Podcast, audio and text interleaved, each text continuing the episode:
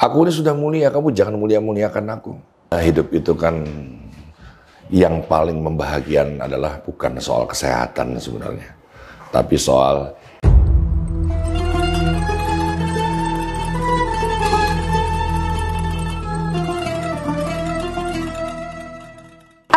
Assalamualaikum warahmatullahi wabarakatuh. Hai Sobat Villa, kita ketemu lagi di channel Cafe Rumi Jakarta Channel yang selalu memberikan wawasan islami dan tentunya mencerahkan. Bersama saya Amalia Muhammad.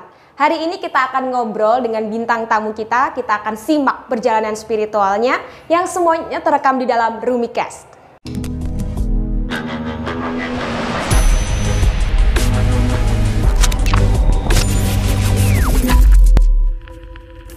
Baik, sudah hadir di studio bersama saya Om Ganteng Permanen, Om Ding Doang. Assalamualaikum warahmatullahi wabarakatuh. Gimana Om kabarnya sehat?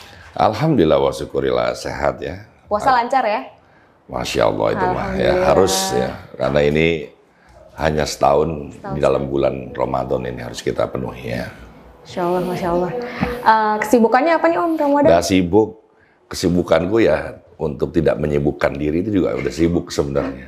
Gimana caranya nggak sibuk itu udah sibuk sebenarnya. Oh ya? Karena ada dua perjalanan yang mulia di hadapan Allah. Yang pertama, seorang anak muda yang izin kepada kedua orang tuanya mencium tangannya untuk menggali menimba ilmunya Allah. Nah, yang kedua ini mungkin yang saya lakukan.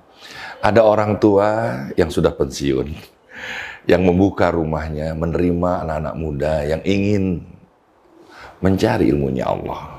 Jadi kebanyakan orang kalau udah tua itu iya dari rumah ke musola, musola ke rumah, rumah ke musola. Ilmunya nggak mau diamalkan pada anak-anak muda yang sekarang. Akhirnya anak muda itu memiliki ilmu tapi tidak memiliki guru. Ah, ya, ya, ya. Kesibukannya sekarang adalah Tidak menyibukkan diri. Tidak menyibukkan diri. Nah. Oke, kalau kita perhatikan nih di media sosial Om ya. Suka merhatiin aku. Iya, kepo. Om lebih banyak pada kegiatan sosial, misalnya membina anak-anak, membina UMKM, kemudian menghibur korban banjir. Apa sih sebenarnya yang ada di benak Om dengan kegiatan-kegiatan? Ya hidup itu kan yang paling membahagian adalah bukan soal kesehatan sebenarnya. Tapi soal ya kamu masih hidup. Karena kalau sehat yang dicari para kekasih Allah itu merindukan sakitnya dia. Mana sakit kepalaku yang dulu, yang mengingatkan aku terlalu liar berpikir, maka disadarkan dengan penyakit kepalanya. Mana sakit gigiku, aku terlalu banyak ngomong soal kebenaran, merasa paling benar. Jadi sekali lagi sahabatku semua, yang paling bahagia yang harus kita syukuri dalam hidup itu adalah hidup itu sendiri. Karena masih bisa kita rubah apa pun kesalahan kita. Gitu. Jadi itu lewat berbagi yang yang bisa Iya, sebaik-baiknya umat yang bermanfaat tentunya. Dan saya sadar betul kitab kita adalah Al-Quran. Ada berapa juz? 30. Hafiz kamu? Hafiz, Hafiz? Enggak ya? Bukan. Ya sudah. Ibunya surat surat apa? Al-Fatihah, Al-Fatihah. Ada berapa ayatnya? ada tujuh. Tujuh. Ya. Kalau orang habis bersahadat jadi mualaf, nggak mungkin bisa ngapalin segera ya kan? Iya, iya. Kita peras lagi menjadi apa? Ah, Al-Fatihah. Al-Fatihah. Kalau nah coba baca. Bismillahirrahmanirrahim. Ada dua nama Allah barusan kamu sebut di situ. Coba tegaskan kembali. Ar-Rahman Ar-Rahim. Ya. Rohman dulu atau Rohim? Ar-Rahman. Bismillahirrahmanirrahim. Rohman itu kemaslahatan. Rohim itu yang lahir dari rahim kamu. Jadi sebenarnya dalam Islam itu puncak ketinggian mengerti tentang Islam adalah kita memperhatikan kemaslahatan dulu. Karena keluarga kita akan dijaga oleh Allah langsung, Ar-Rahim. Maka detik napas terakhir Rasulullah meninggal dunia, dia menyisakan tiga kata. Apa itu? Waktu dia mau meninggal, dia menyisakan tiga Umati, umati, umati. ummati, ummati, ummati. Bukan family, family, almili, bukan. Jadi nanti puncak dari ketinggian kita mengerti Islam yaitu sebaik-baiknya umat tentunya yang paling bermanfaat. Yang paling memperhatikan sosialnya bukan berarti kita tidak memperhatikan keluarga ya. Ah, Ya karena Rasulullah kan bimbingan kita begitu lahir ayahnya ndak ada. Ibunya nggak ada lama-lama. Kemudian kakeknya ndak ada. Lalu pamannya ndak ada. Istrinya ndak ada. Lalu siapa yang mendidik dia? Kan Allah langsung. Gitu. Terus terang saya dulu bingung nih, dari dulu kan Om jadi artis di layar kaca, kemudian tiba-tiba ceret jadi seorang biasa yang mungkin lebih banyak bisa berbagi kepada manusia. Nah, kenapa dengan reputasi yang Om yang tinggi itu terus tiba-tiba udahlah aku aku manfaatkan hidup. Ya, aku tertipu juga sih oleh lightbox ini ya. Ada lampu snot, ada lampu tawon, ada HMI, ada satu kilo, ada strobo. Ternyata aku tuh kinclong karena pencahayaan. Sementara kita sebenarnya adalah makhluk garis keturunan cahaya Nur Muhammad. Tapi itu kita tidak gapai gitu loh. Ya kan? Nah makanya aku sudahi karena aku begitu saat itu dipermudah, punya uang mudah. Tapi aku gamang ya, kosong ya, hmm. bimbang, pelin plan ya, tidak punya arah tujuan. Ya akhirnya aku harus berpikir, aku harus menepi sebentar di dalam kehidupan ya, ini. Ya, ya, ya, ya. Terus dari hasil itu Om pernah berjanji kepada Allah mungkin aku akan menjadi pribadi yang lebih baik atau seperti apa? Ya Allah jadikanlah aku kekasihmu. Ya. Jadikanlah aku ini kendaraanmu, perjalankanlah aku, mudahkanlah aku. Aku rasa kalau kita sudah menjadi kekasih Allah, segala sesuatunya menjadi mudah ya. Karena hidup itu berat ya teman-teman ya, makanya harus diperjuangkan. Dalam perjuangan pasti ada pengorbanan. Pasti ada dikorbankan bersama Allah. Segala sesuatunya menjadi ringannya. Dalam derita kita melihat Allah. Dalam bahagia kita melihat Allah. Aku rasa selesai hidup di situ ya. Dengan konsep yang uh, berbagi dengan banyak orang, dengan masyarakat, dengan mungkin ya hamba-hamba yang membutuhkan seperti itu. Apakah uh, pernah nggak berpikir bagaimana dengan rezeki aku? Kalau aku sibukkan diriku dengan mengurus orang lain. Benar, Mel. Jadi Gini teman-teman, kalau aku menolong orang, bukankah sebenarnya aku sedang menolong diriku sendiri? Aku ini butuh pertolongan Allah. Allah bilang, dik doang, aku tidak butuh kamu. Aku ini sudah mulia, kamu jangan mulia-muliakan aku. Ya, kamu yang butuh kemuliaan aku. Kalau kamu ingin kemuliaanku, kau muliakanlah hamba-hambaku. Baru kau berikan kemuliaan. Jadi Kesolehan itu adalah orang yang benar-benar memikirkan perbuatan baiknya, ibadahnya dengan kemaslahatan orang banyak. Jadi kalau kita habis sholat, terus jikir berlama-lama, orang teriak gotong royong, teriak tolong, kita masih berzikir, aku, aku pikir itu bukan orang soleh. Hmm. Iya. Uh, menurut Om, bijak menyikapi hidup versi Om itu seperti apa? Adil ya.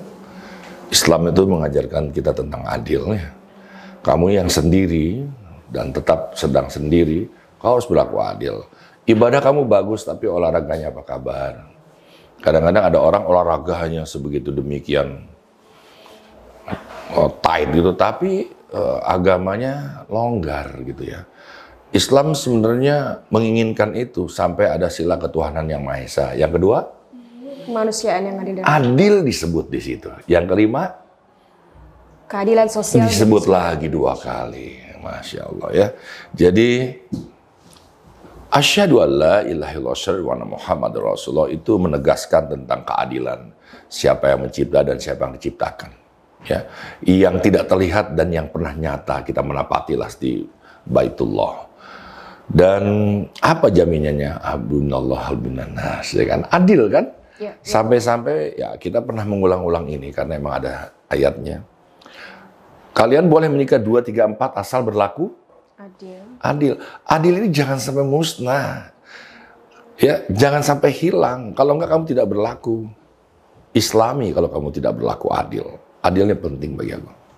Jadi ya, latihannya dari dua setengah persen naik per sepuluhan, lalu tiga puluh, lalu fifty fifty sampai nanti kamu akan berjumpa tidak ada lagi perhitungan itu kepada Allah.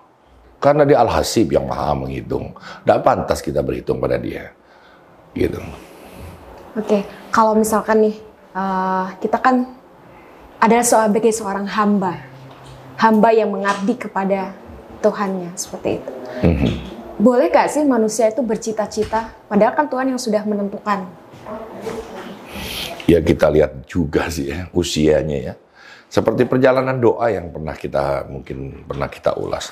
Doa bagi anak-anak adalah minta sama Allah. Lalu seumur kamu mungkin doa itu berhadapan hati dengan Allah. Ya kalau usiaku mungkin Doa itu cara kita bersyukur. Sudah tidak minta lagi. Fabi ayyala robbiku. Aku rasa kita lihat juga eh, cita-cita adalah sumbu hidup ya. Jadi kamu tanpa cita-cita, aku rasa tidak ada yang nyala dalam hati kamu. Jadi yang paling terpenting adalah setiap jiwa-jiwa yang hidup sadarilah dia punya bakat, lalu jadikan bakat itu sebuah passion di mana kamu siap menderita dengan perjalanan cita-citamu itu. Bersama Allah nih, semuanya seperti Nabi Musa tiba-tiba bisa menyeberang lautan. Ya.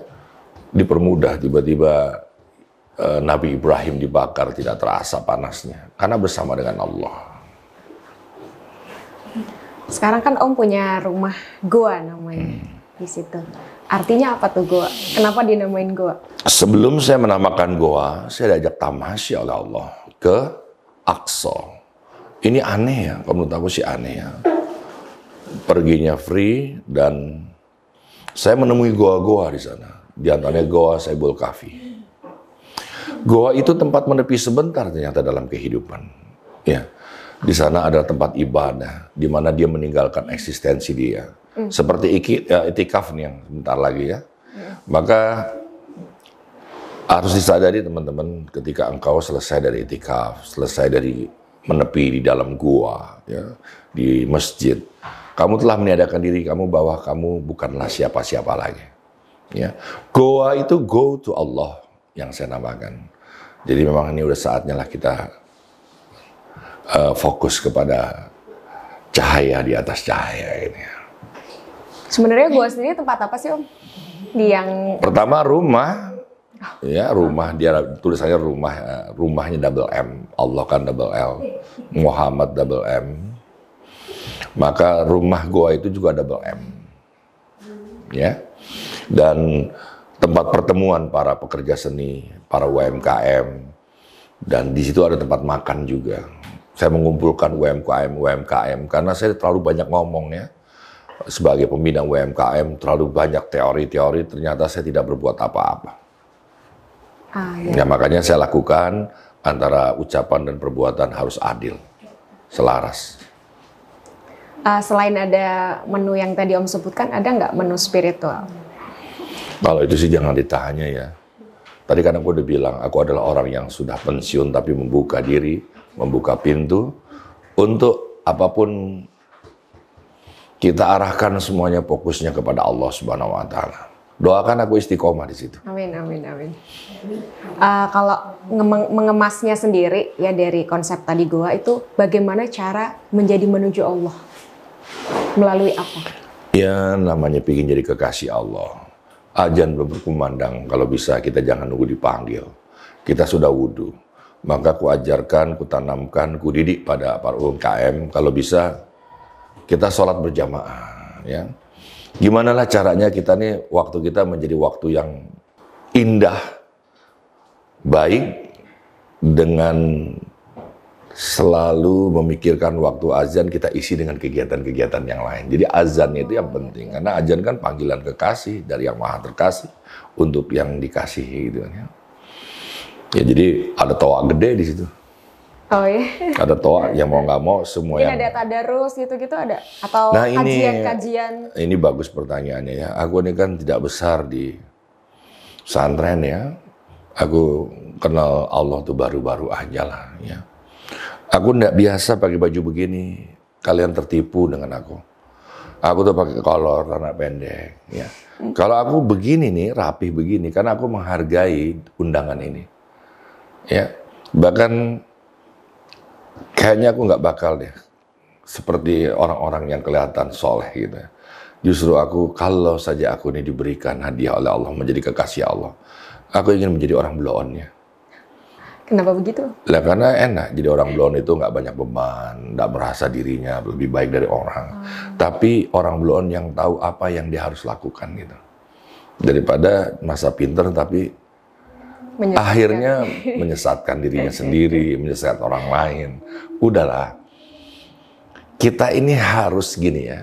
Kau menuduhku aku salah gitu ya. Ya sudah, aku tidak membantah gitu. Karena aku tahu kebenaranku jangan-jangan merupakan pembenaran. Orang yang benar tidak merasa benar, maka Allah yang maha benar akan menyelinap sebagai kebenaran yang absolut di hati kita. Hmm. Bayangkan kalau ada kebenaran Allah di hati kita. Coba kamu bayangin. Saya ngomongin Allah ya, ya Rob. Ya. Dia ada di kita. Apa yang tidak benar? Yang kita ucapkan, yang kita lihat, ya apa yang kita dengar, apa yang kita langkahi, itu sudah menjadi kebenaran. Makanya Abu Bakar hidup bersama dengan Rasulullah, dia berjulukan Asidik mm. yang maha membenarkan. Karena ucapan dan sikap Rasulullah itu semuanya benar. Mm. Jadi sekali lagi, yuk berhenti yuk merasa diri kita paling benar gitu ya.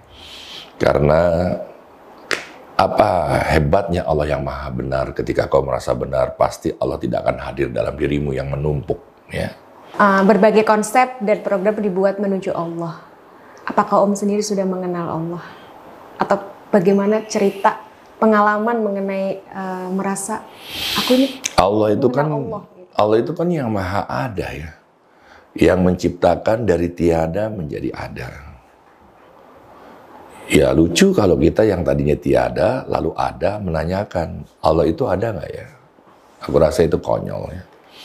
Jadi lebih baik sebodoh-bodohnya kita percaya saja kepada Allah bahwa Allah itu ada. Daripada kita bilang nggak ada tahu-taunya ada lebih kita berprasangka baik kepada Allah. Dan Allah itu kita kan menuju Allah akan ditempatkan di mana? Surga atau neraka? Menuju Allah. Iya, kalau kita sudah bersama dengan Allah, Allah menempatkan kita di neraka atau di surga. Uh, kalau kita beribadah dengan baik ya, karena ya. Allah ditempatkan di mana? Janjinya surga. Surga ya, surga sudah kita bahas ya. Bahasa Arabnya apa? Jannah. Jannah. Jannah artinya apa? Surga tadi. Taman yang Taman indah. Ada tukang tanaman di sana, menata tanaman yang indah. Dia potong, dia gunting segala macam. Bagus sekali. Kira-kira tukang tanamannya tidur di situ atau pulang ke rumah? Tidur, tidur di tanam apa di rumah? Tidur di situ. Gak mungkin banyak nyamuk, gelap. Dia pasti pulang ke rumah. Nah, jangan-jangan surga itu ada di hatimu. Allah jangan kau cari di mana-mana. Dia tidak pernah berjarak. Dia ada di hati kita. Jadi kalau kau bertanya apakah kau pernah berjumpa dengan Allah? Temuilah murid-murid uh, para wali-wali. Bahkan kau temuilah para wali-wali itu. Siapa pun ustadz kamu pelajarilah. Nanti kau akan pulang bahwa ada guru di hatimu. Al-Alim yang maha berpengetahuan. Di mana kita tidak punya ilmu apa pun, nanti Allah derek langsung menuju kebenarannya. Apa yang harus kau tuturkan, Allah akan segera mendapatkan bimbingan. Kita akan diberikan bimbingan dari Allah. Proses pengenalan itu butuh waktu berapa lama? Aku rasa bukan soal lamanya. Ada seorang wali menjadi wali ketika dia masih kecil saat tertidur dapat Lailatul Qadar. Allah kan cintanya abstrak, tidak struktural, tidak harus 17 tahun, tidak harus katam Quran 30 juz gitu ya. Tapi ada orang yang udah 40 tahun dia beribadah, dia belum dapat dapat juga ya. Bahkan yang tidak mencari dikasih oleh Allah. Nah, nah itu kan berarti cintanya ya. Allah begitu abstrak. Ya. Atau boleh jadi semasa hidup orang tuanya nih, orang tua yang soleh dan soleha. Betul. Tidak ada permintaan kepada Allah selama dia hidup, kecuali jadi karena anaknya yang soleh dan soleha. Bisa saja terjadi, karena ada sebuah proses sebenarnya sih bukan tahu-tahu ada prosesnya juga, ya. Jadi teman-teman di bulan suci Ramadan ini kita pasti mengerjakan yang namanya terawih. Diakhiri dengan witir, ada yang itikaf. Pertanyaannya itikaf itu berapa lama? Nggak ada ketentuan berapa lamanya. Terserah semampunya. Terus terawih ini diakhiri dengan witir, apakah di bulan suci uh, Ramadan aja ini menjadi pengaplikasian bulan-bulan yang lain di mana kita mengerjakan tahajud. Betul. Ya. Jadi tahajud kan bukti nyata kalau engkau menyintai Allah. Jadi janganlah dik doang itu bicara tentang cinta kepada Allah, tapi bangun malam enggak gitu. Jadi Al-Quran itu mengajarkan kita bahwa siang itu diciptakan untuk kita berhamburan di atas muka bumi, mencari nafkah. Malam itu untuk kita istirahat. Hmm. Tapi untuk para kekasih-kekasih Allah tidak begitu. Malam disuruh bangun dia. Bahkan dia bekerja hanya dari tahajud di selang ibadah ya. Sambil ya pelukis, sambil mengetik, bikin puisi dan lain-lain ya. Bikin konsep pekerjaannya, rancangan bangunannya. Sampai dia suluk, duha selesai. Siangnya main-main dia sampai sore. Ya, Ya aku aku pernah merasakan melihat orang itu. Indah sekali itu yang disebut Allah itu memang maha bersendak gurau. Ya. Jadi kalau yang umum-umum aja ya berangkat pagi, pulang malam. Ya. Besok dilakukan lagi begitu, tidak ada peningkatan. Aku rasa kita harus naik kelas. ya, ya. Gimana caranya Om menyikapi pihak yang melecehkan bahkan menghujat apa yang sudah Om kerjakan? Haters. Pasti kan Om kan punya banyak eh, tadi ya Ya, kegiatan-kegiatan. Kamu memandang YouTube tuh apa? Memandang Instagram tuh apa? Twitter tuh apa? Bagi kita sudah dilatih itu adalah tempat pembuangan sampah kata-kata atau foto. Daripada kamu harus mendokumentasikan itu kamu taruh di file-file mendingan masukin Instagram aja. Terus dikomentarin ngapain kamu juga merhatiin itu. Apakah ju- kamu juga nggak pikir-pikir sebelum kamu taruh itu. Jadi itu bukan berhala-berhala kecil di hati kita. Melihat ini kita harus lihat, wah di follow nggak ya? Subscribe-nya berapa ini ya? Ya Allah, ini jadi berpindah. Dulu mungkin ya, dulu ya berhala kita patung ya. Pindah ke ATM. Kalau uang 100 juta Oh, nih iya, kayaknya iya, ya. Sekarang pindahnya ke mana? Ya itu tadi, follower. Ya, ya. Sekarang kita bikin ini dengan rasa hormat aja. Kepada tamu, kepada yang mengundang. Siapa bintang tamu kita. Kita perdalami dia. Kita pelajari dia. Kita harus kenal dia siapa. Maka yang terjadi adalah obrolan dari hati ke hati. Bukan dari hatiku ke teks yang kamu baca gitu. Nah aku rasa juga orang akan merasakan nggak nyambung YouTube-nya. Tapi kalau dia udah menjadi obrolan hati ke hati, kan Allah sudah ikut campur di situ. Ya, jadi sekali lagi ini juga buat himbauan buat teman-teman yang lain yang senang banget bikin podcast gitu. Aku rasa ini harus menjadi obrolan dari hati ke hati. Konsep lillahi ta'ala menurut Om seperti apa? Gimana nih maksudnya konsep lainnya? Lillahi ta'ala. Kan kita, ya kita kerjakan dengan lillahi ta'ala aja. Iya, aku rasa setiap kita niat mengerjakan apa pun cukup lillahi ta'ala ya. Jangan saya mengerjakan menjadi pembina UMKM karena mereka orang-orang miskin, mudah-mudahan tidak ada lagi kemiskinan di muka bumi ini. Kita kan bukan menteri sosial dan orang miskin kan tetap harus ada. Ya. Jadi terlalu kepanjangan kita ngomongnya. Muka dimahnya terlalu aduh bersayap gitu. Udah bilang aja. Saya kerjakan ini dengan bismillah. Selesai aku rasa. Bismillah itu kan luas ya, bersama dengan Allah. Allah itu kan jagat yang memiliki seluruh semesta raya ini. Aku rasa udah kelar di situ sih. Aku selalu mengerjakan dengan bismillah ya. Bismillah, bismillah ya. Ada dua nama Allah itu yang bersanding Rahman dan Rahim. Kupinang kau dengan bismillah. Wah sedap ya. Nanti kamu lihat nanti kalau ada orang lamar kamu ya, dia ngomongnya, "Kamu mau apa?" Lamar aku dengan apa? Ya, kita udah punya rumah, ya jangan kamu nikah sama dia. Gitu? Ya, ya karena rumahnya kebakar nggak lama lagi, ya kan gitu ya. Atau kena gempa bumi. Kamu punya apa? Punya keberanian apa? Kulamar kamu dengan Bismillah. Selesai rasa sudah. Itu juga kalau kamu memiliki iman dan akhlak yang mumpuni. Tapi aku rasa kamu memang udah di tahap itu ya. Cuma Insya jangan, Allah, amin. cuma jangan terkontaminasi. Ya, yang jadi masalah. Nah, eh, sekarang kan lagi Ramadan. Hmm. Gua aktivitasnya apa nih? Doa tetap kita buka tapi sore. Lalu kita Ada tarawih. lanjutkan dengan terawih. Besok ini ada seorang ustadz yang terawihnya keliling, bacanya bagus dia. Mungkin dia akan mengambil ini juga buat konten YouTube, terserahlah ya. Kita mengimbangi konten-konten yang buruk lah dengan hal yang baik. Jadi ria dong, yang bilang ria itu kalau kita Iya, berbuat baik, yang bilang ria itu yang ria sebenarnya. Orang kita ini berbuat baik itu harus dengan ya mau terbuka, ya mau tertutup, ya mau secara rahasia, ya mau terang-terangan monggo. Yang penting hati kamu harus terikat kepada Allah. Itu, ya itu kadang memang susah ya Om. Eh, kapan itu dibilang ria, kapan juga itu bukan ria sebenarnya. Kan sebenarnya yang ngerasa kan kita. Iya, ketika ya. kamu duduk di situ, bintang tamumu ada satu ada delapan, kamu harus meletakkan diri kamu bahwa tamumu ini tamu-tamu yang ikhlas. Itu dulu kamu letakkan. Jadi apa pun nanti yang kamu omong berupa kelihatannya kesombongan, tapi karena kamu sudah meletakkan keikhlasan kepada orang-orang itu, aku rasa tidak ada Tidak ada tidak ada percikan-percikan yang uh, akan mengatakan miring lah gitu loh. Ada pun pasti akan Allah rawat sendiri. Om tentu tidak semua orang sevisi dengan Om, Yes. tapi mereka juga menjalankan ajaran agama. Misalnya, mereka tetap berkiprah membangun ekonomi, memajukan pendidikan. Itu bagaimana? Ya, Apakah gua- mereka bukan nilai ta'ala? Ya aku rasa nggak ada masalah dengan itu. Kan kita diwajibkan memiliki wawasan-wawasan yang luas agar kita bisa mengerti persoalan orang lain. Sampai wawasan-wawasan itu nanti menggumpal menjadi cakrawala. Kalau kita sudah memiliki ilmu di lebih ketinggian daripada sekedar wawasan namanya cakrawala, aku rasa kita seperti orang yang sedang memantau dari jarak jauh. Aku lihat beda sih tapi tetap ujungnya di sana. Oh yang ini ke sini tapi ujungnya di sana. Aku rasa ya kalau kita nih jadian terus kita kan nggak perlu sepaham, sejalan nggak perlu. Tapi ternyata yang penting tujuan kamu adalah ihdinas syiratal mustaqim. Ya, karena kenapa? Kamu umur berapa sekarang? Yang kamu makan tidak pernah sama.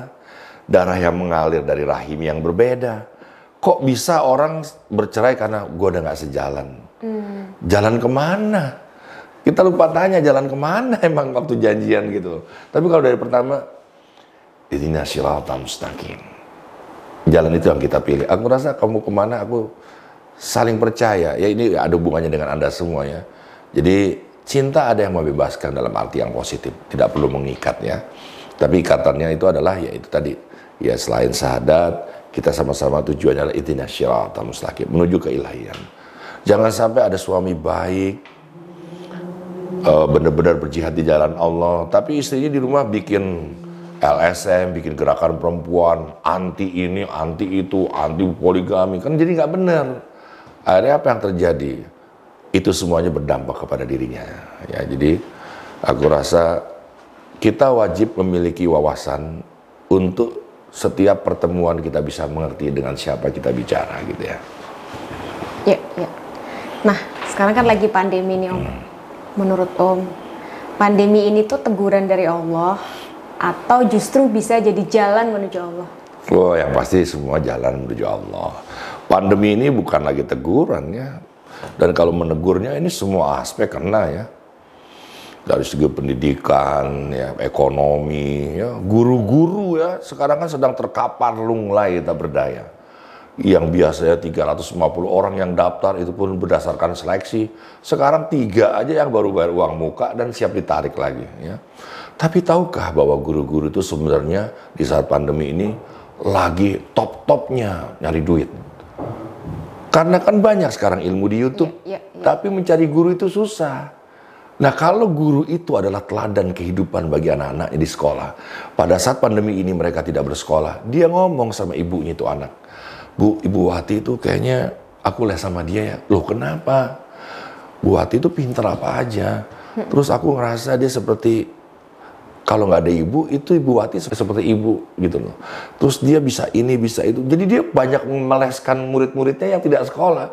Tapi kenyataannya begitu dia tidak sekolah anaknya, gurunya juga nggak ngajar. Iya, iya. Hilang jobnya. Nah sekali lagi bahwa guru itu memang harus jadi teladan. Tapi sebenarnya itu eh, teguran untuk menaikkan level mungkin. Iya ini acara pandemi ini adalah acara kenaikan kelas yang pasti ya. Corona, kopro, dan nun. Di mana Allah akan memberikan mahkota di atas kepala kamu. Yang tidak bisa baca Quran, ayo belajar. Ya kayak saya gitu ya. Yang belum sholat malam, ayo dilatih. Yang belum berpuasa Senin Kemis setelah bulan Ramadan ini coba dijalani. Ya. Yang sudah Senin Kemis coba ambil daun. Gitu kan. Yang Ya aku rasa semuanya harus ditingkatkan ya. Ini waktu momen yang luar biasa. Ya, di masa pandemi ada yang susah, ya ada yang benar-benar di puncak ekonomi, jual masker misalkan gitu kan ya. Iya sih. Eh, pengobatan ya, eh, kedokteran itu kan semuanya lagi di puncaknya gitu. Iya, iya. Dan akhirnya timbul kesadaran bahwa pun kita makan bukan hanya mesen yang enak-enak, tapi juga yang sehat-sehat. Iya benar-benar. Jadi udah mulai memperhatikan ke kesehatan diri. Mungkin yang tadinya nggak sehat jadi langsung gitu ya Om ya. Iya. Oke, terima kasih Om Dik Doang sudah mau berbagi dengan kita, berbagi ilmu, wejangan dan. Yang luar Aku biasa. merasa belum apa-apa ini jujur aja. Ya lain kali mungkin teman-teman kita akan lebih perdalam lagi semua ini. Semoga apa yang Om sudah jalani semakin sukses dan berkah dunia akhirat. Ya, Amin. sama-sama. Saling memaafkan dan saling mendoakan Ya. ya. Cita-citamu boleh mengangkasa, kiprahmu melanglang buana dan reputasimu membahana. Tapi ingatlah, kau tetap seorang hamba, semangat lillahi ta'ala tak boleh beranjak dari jiwa. Pantengin terus channel Cafe Rumi Jakarta, jangan lupa like, subscribe, dan share sebanyak-banyaknya supaya kebaikan ini tidak berhenti sampai di sini. Dan Anda punya andil dalam kebaikan bersamanya. Saya Amalia Muhammad, pamit undur diri. Billahi taufik wal hidayah. Wassalamualaikum warahmatullahi wabarakatuh.